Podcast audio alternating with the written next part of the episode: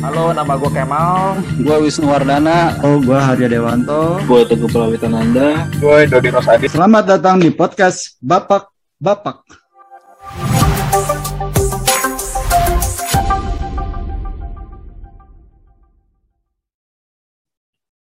Guys, hari ini 1 Oktober diperingati sebagai Hari Kesaktian Pancasila. 30 September 1965, para pahlawan revolusi gugur membela Pancasila dan Negara Kesatuan Republik Indonesia. Sebelum podcast Bapak-Bapak ini dimulai, kita akan berdoa menurut agama dan kepercayaan masing-masing. Berdoa, dimulai.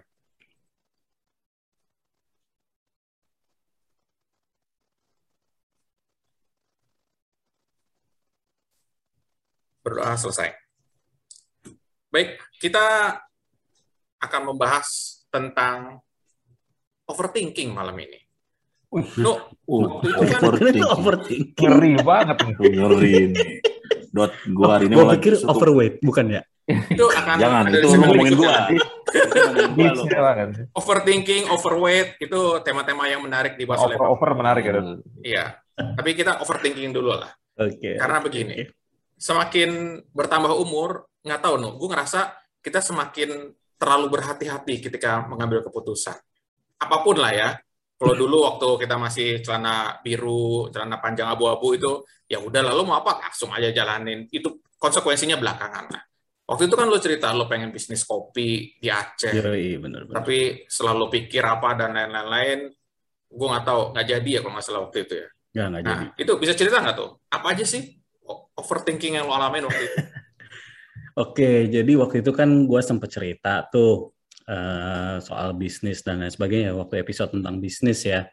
Ya. Nah, gue tuh sempat dicerita di episode itu bahwa gue dulu sempat tuh kepikiran untuk juga punya bisnis atau usaha lain di luar dunia eh, lawyering gitu loh.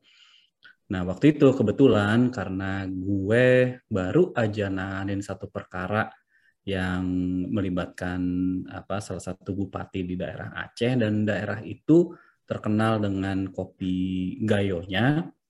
Nah, gue kepikiran tuh dulu untuk, nah kenapa gue nggak bisnis ini aja ya di bidang apa eh, perkopian, bukan fotokopi ya, kopian gitu Hmm. loh. Dan kebetulan dia juga punya punya kebun kopi dan lain sebagainya gitu loh ya kan.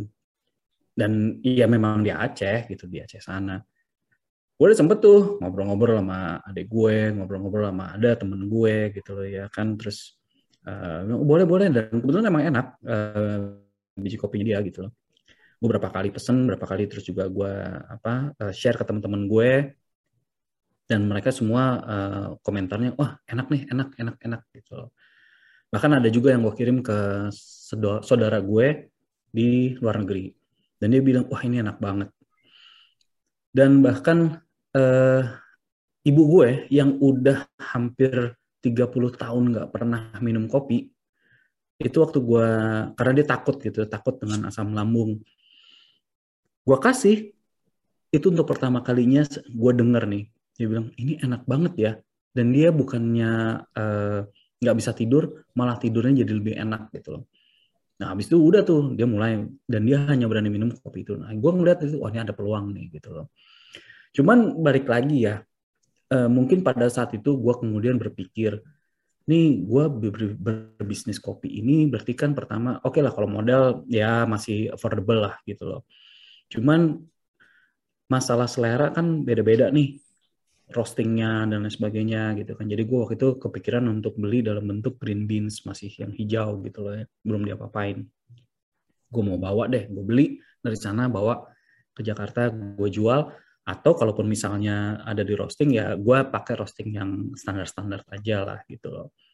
Udah tuh gue udah ngomong udah ngomong sana sini sana sini termasuk sama apa klien gue itu dan teman-temannya gitu loh ya kan. Tapi terus belakangan ya gue juga kepikiran juga ketika mereka bicara soal kontinuitas dari order gue kemudian nanti masalah apa eh, quality control dan lain sebagainya gimana ntar waktu kita eh, kalau misalnya ada klaim soal soal kualitas dan sebagainya. Nah yang kayak gitu-gitu. Gue sebetulnya apa yang gue lakukan itu ya itu standar gue ketika juga melakukan review kontrak ya gitu loh ya kan tentang resiko.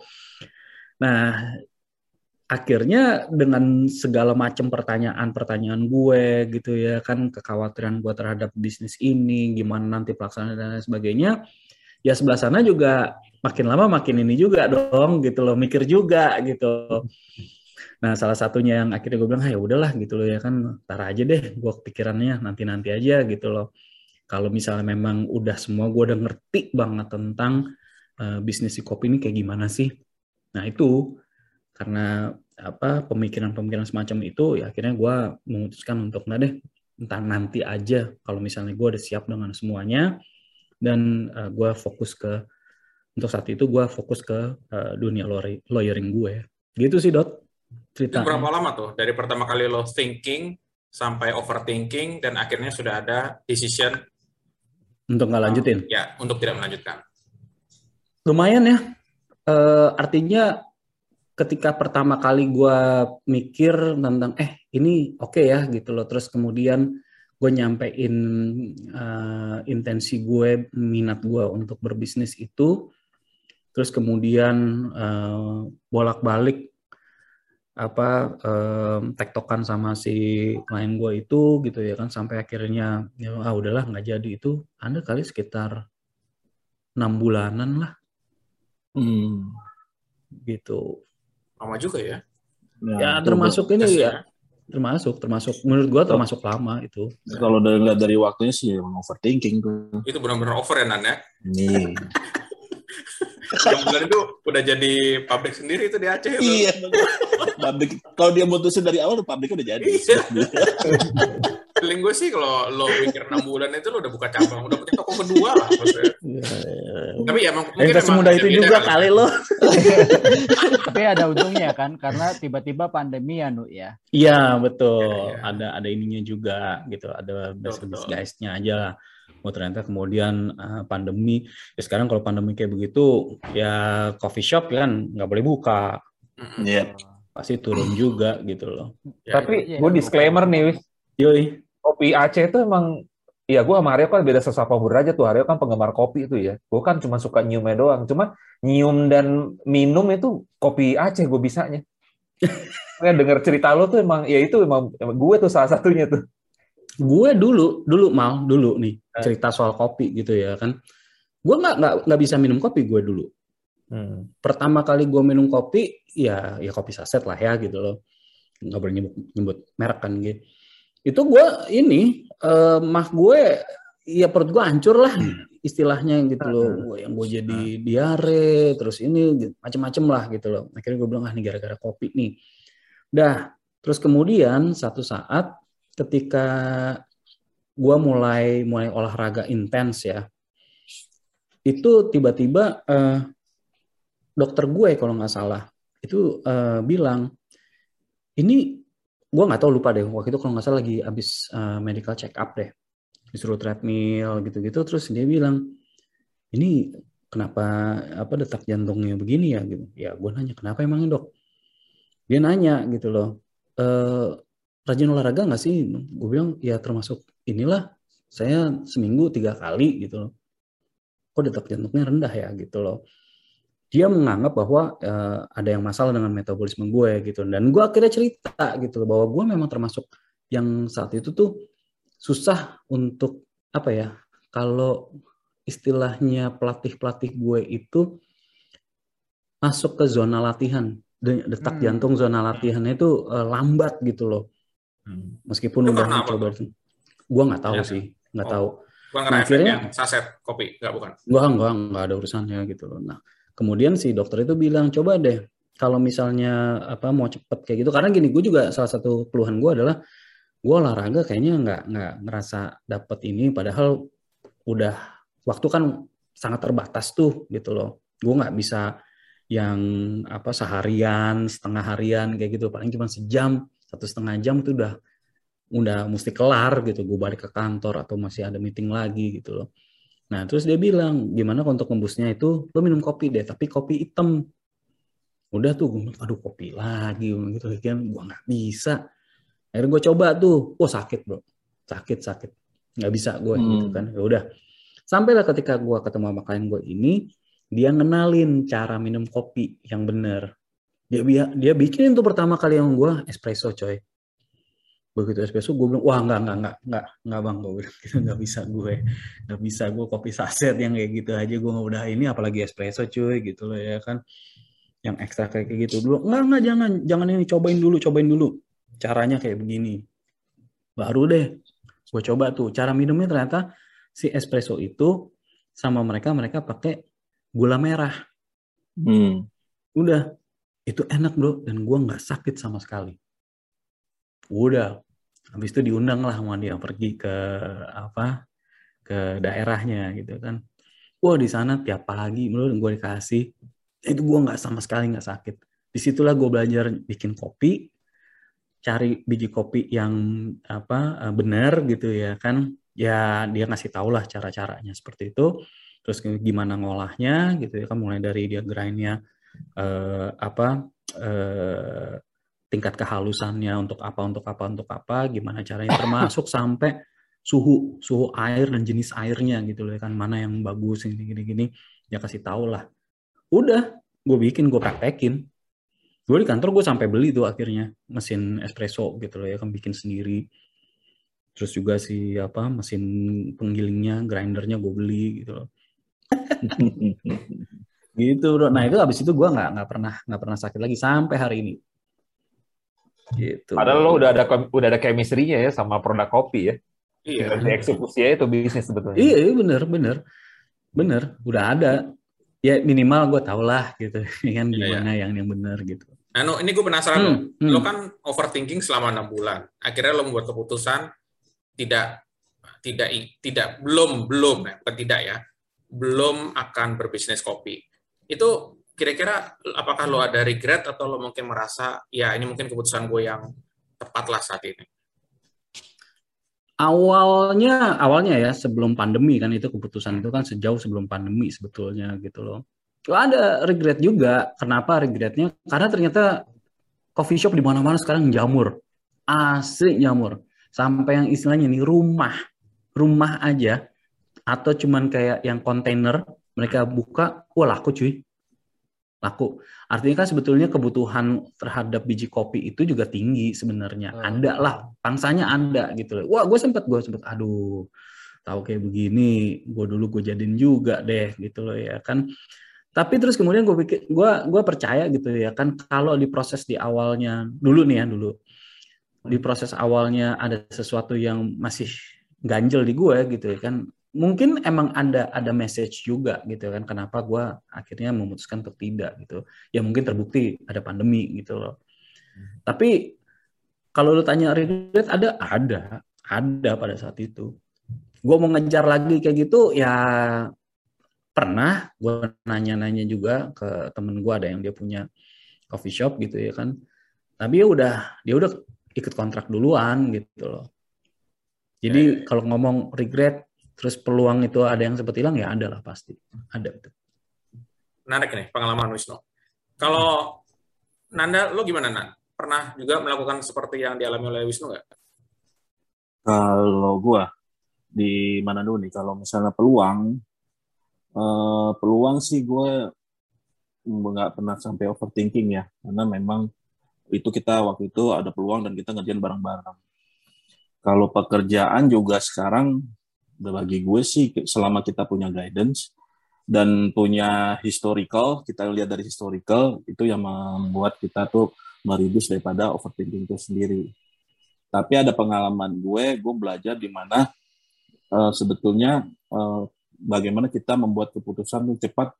Dulu awal gue kerja itu, gue kerja di suatu sekuritas. Terus uh, gue trader sebagai di bursa berjangka gitu. Nah itu membuat kita tuh nggak boleh overthinking, Dot. Itu gue belajar banget di situ, Dot. Jadi kalau udah masalah uh, kita ngomong di bursa, ya lu nggak bisa overthinking, lu harus buat keputusan yang cepat. Intinya kan gitu. Kalau enggak lu harga lu kelewat. Nah, jadi juga lu uh, time waktu untuk mendapatkan gain juga lu kelewat di situ, ya kan? Jadi intinya sih kalau dulu gue belajar bahwa antara itu overthinking, lu perlu masukan sebetulnya, lu perlu referensi dari orang lain kah atau dari referensi tempat lain. Karena kan overthinking itu sebetulnya merupakan bentuk suatu keraguan, benar nggak lu? Nah di situ lu harus punya suatu uh, di pikiran lu tuh lu nggak bisa lu tanam sendiri, lu jadi lu perlu masukan dari orang, tapi nggak perlu masukan banyak-banyak ya. Agar kenapa? Biar nanti nalar lu bekerja, logika lu bekerja. Jatuhnya kalau udah lu punya insting, lu percaya sama insting lu. Itulah keputusan yang harus lu buat di situ. Di situ gue belajar waktu di bursa gitu situ. Dan itu akhirnya gue kalau sekarang nih, gue banyak lagi banyak pikiran, gue nggak akan gue uh, pikul sendiri. Gue diskusin lah sama seseorang, yang seorang yang penting gue percaya, apa-apa gimana ini. Uh, gue itu membantu buat logik gue aja keluar gitu loh.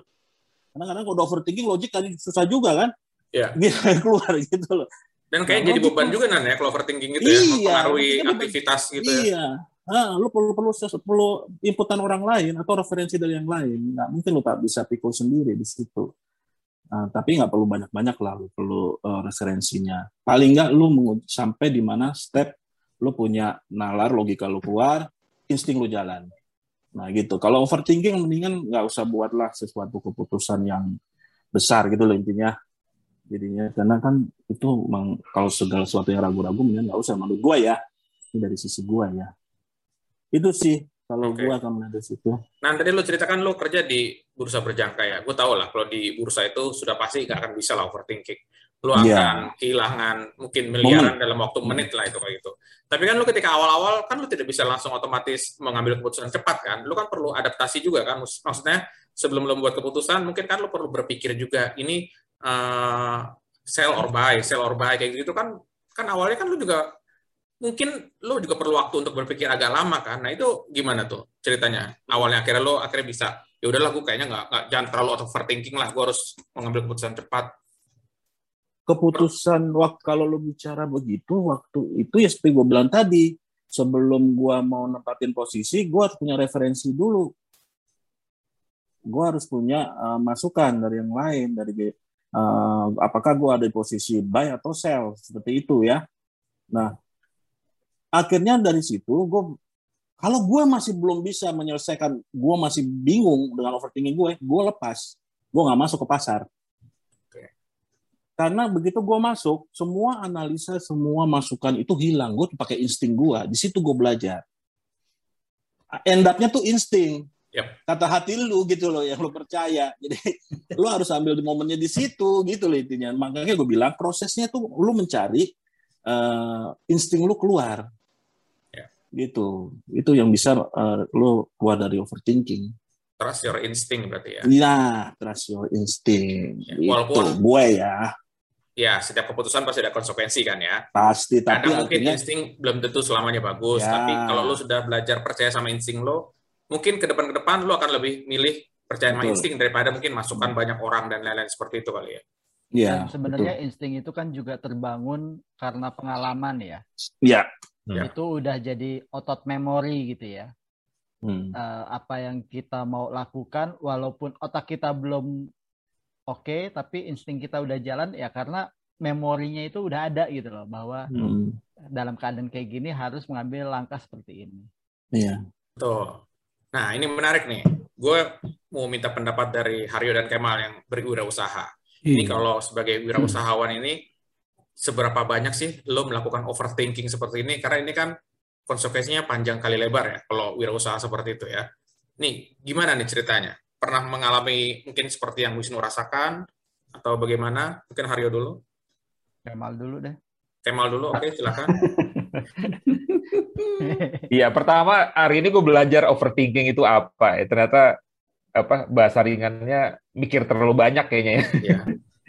ya cuman kalau di wirausaha ya memang ya gue cerita dulu secara karakter gue kan orangnya memang orang yang bukan bercandaan gitu seriusan ya maksudnya Apa ya berarti kita mau dari mana lu? Dari iya, mana lu? Iya iya iya. Iyain aja. Dari dari kita berlima, dari kita berlima, dari kita berlima cuman Kemal paling depan. Paling depan. Lanjut, Mal. Iya, jadi memang apa ya basically memang gue orangnya ini gimana ya kalau ini gimana ya itu udah udah udah bawaan dot iya, gitu. Yeah, yeah. Jadi begitu masuk ke bisnis, ya sama jadinya gimana ya gimana gitu. Tos uh, tos tos sama kita mau. Iya, sama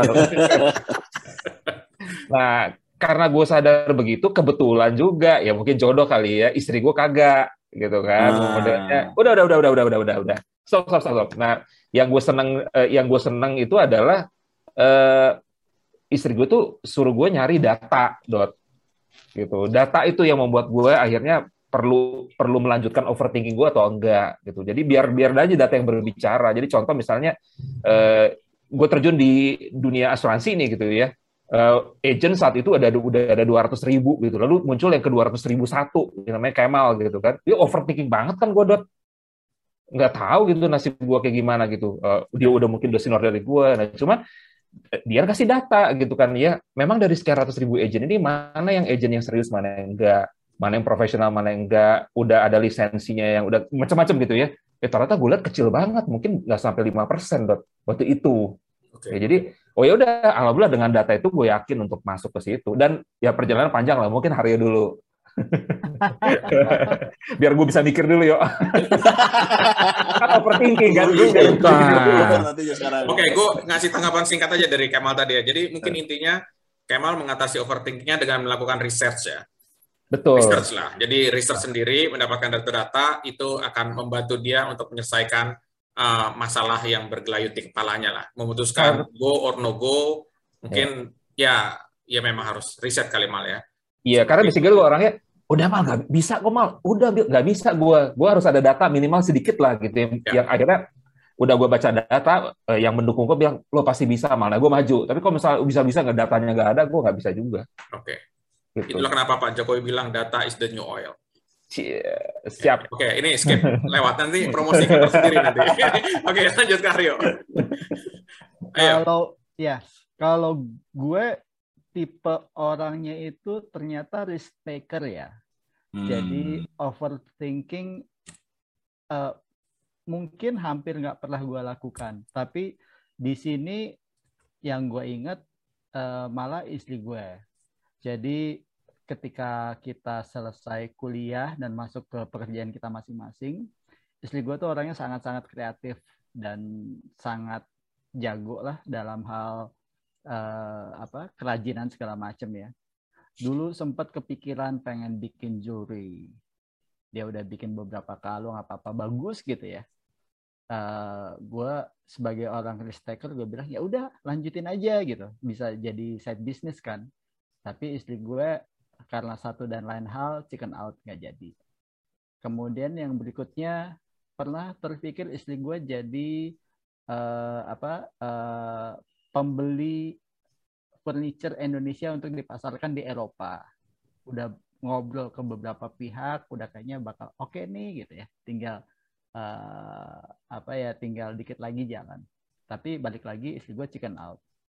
Jadi istri gue memang lebih ke risk averse daripada risk hmm. taker. Hmm. Sementara gue uh, lebih jedak jeduk gitu ya.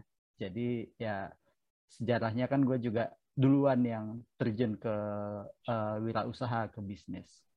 Tapi at one point of time uh, ketika kita berdua ada ide bagus, yang menurut gue bagus yaitu uh, sekarang jadi duit HP, gue mendorong gue push istri gue untuk keluar dari zona nyamannya. Dan untuk itu uh, seperti Kemal tadi uh, yang dia lakukan ke Kemal, cari data.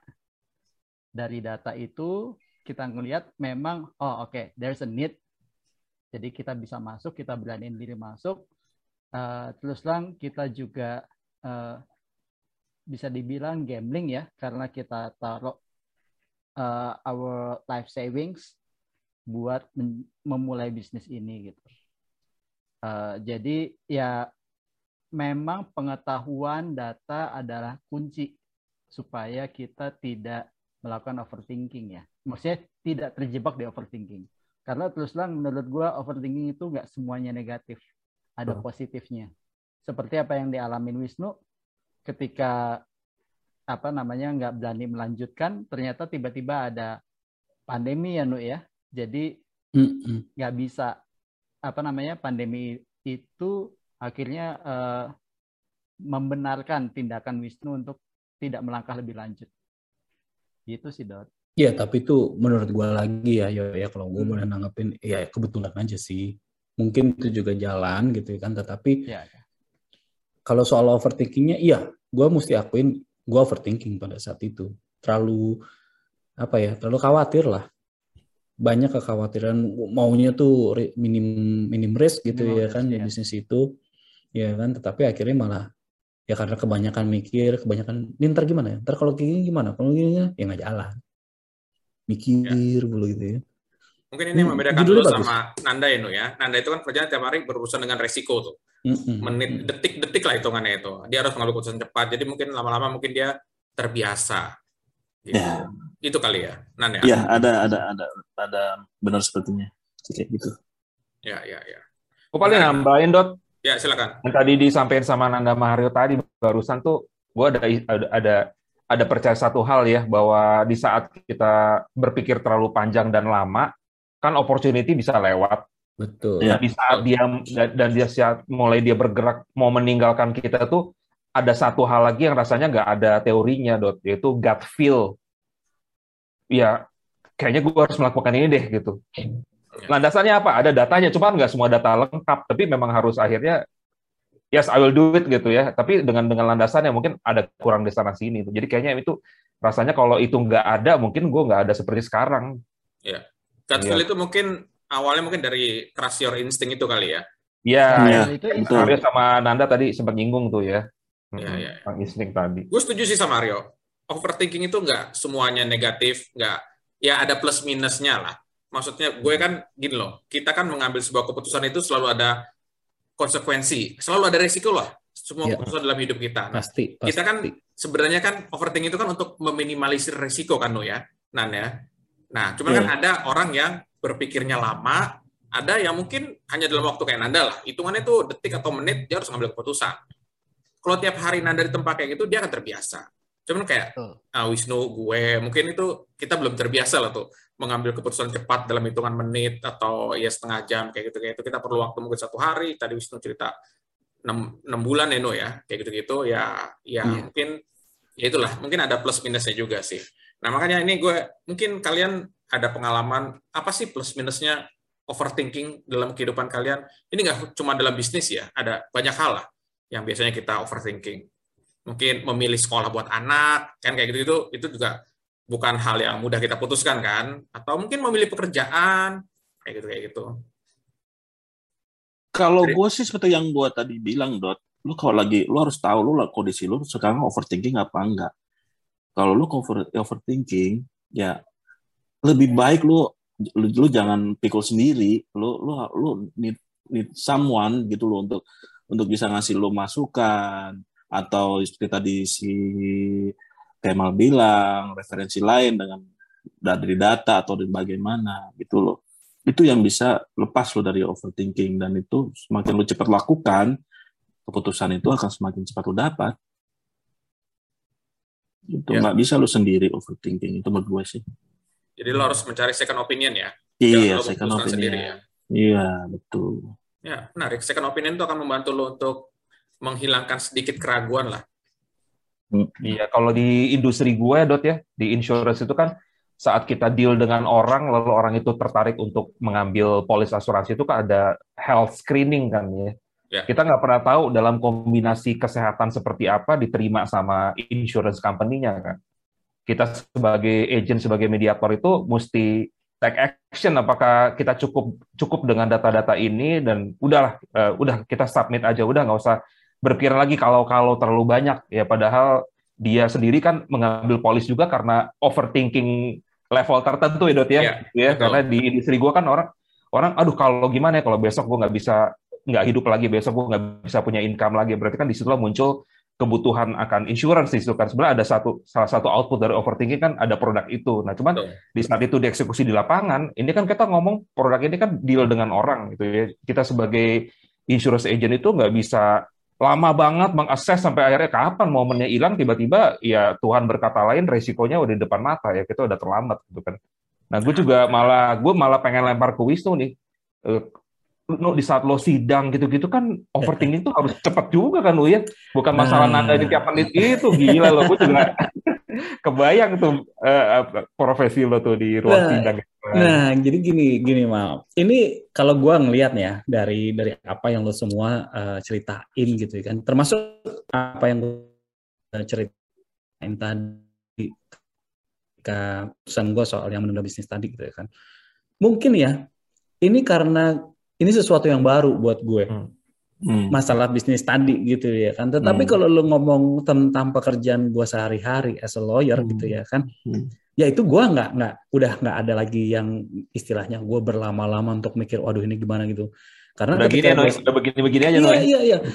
Kalau lu tadi juga ngomong masalah masalah masalah feeling gitu ya, gut feeling lo, insting dan sebagainya, ya itu juga yang terjadi gitu kan. Gue mungkin bisa bisa cerita lah ya. Ada satu momen di mana gue waktu itu ngebantu klien gue yang terlibat uh, ini di rentenir lah ya, ada rentenir di daerah uh, apa ya daerah lah gitu loh.